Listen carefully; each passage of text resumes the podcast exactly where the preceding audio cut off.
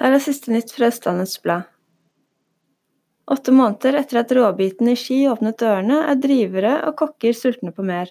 Nå planlegges utvidelse av menyen og uteservering. I dag står det ett våningshus i Valdmarhøyveien 1. Obos mener at de får plass til rundt 70 leiligheter på den samme eiendommen, som er på tre mål. Streetfood vokser i Norge, og flere mennesker har kastet seg på trenden.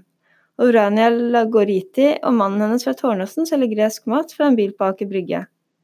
Nordmenn elsker gresk mat, det er ingen tvil om, sier de. Politiet mener at de har kommet et godt stykke videre i etterforskningen av brannen på familien, familiens hus i Ønebakk natt til andre påskedag. Siktelsene opprettholdes, og nå har politiet berammet nye avhør. Til slutt en liten advarsel. Ved en ren tilfeldighet avdekket Jarle selv at han var blitt svindlet for 30 000 kroner søndag kveld. 38 ganger ble kontoen hans trukket for tjenester på iTunes.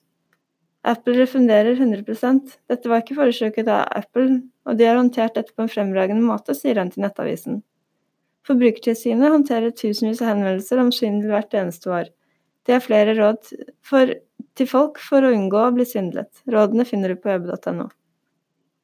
Øbenytt fikk du av Birgitte Henriksen.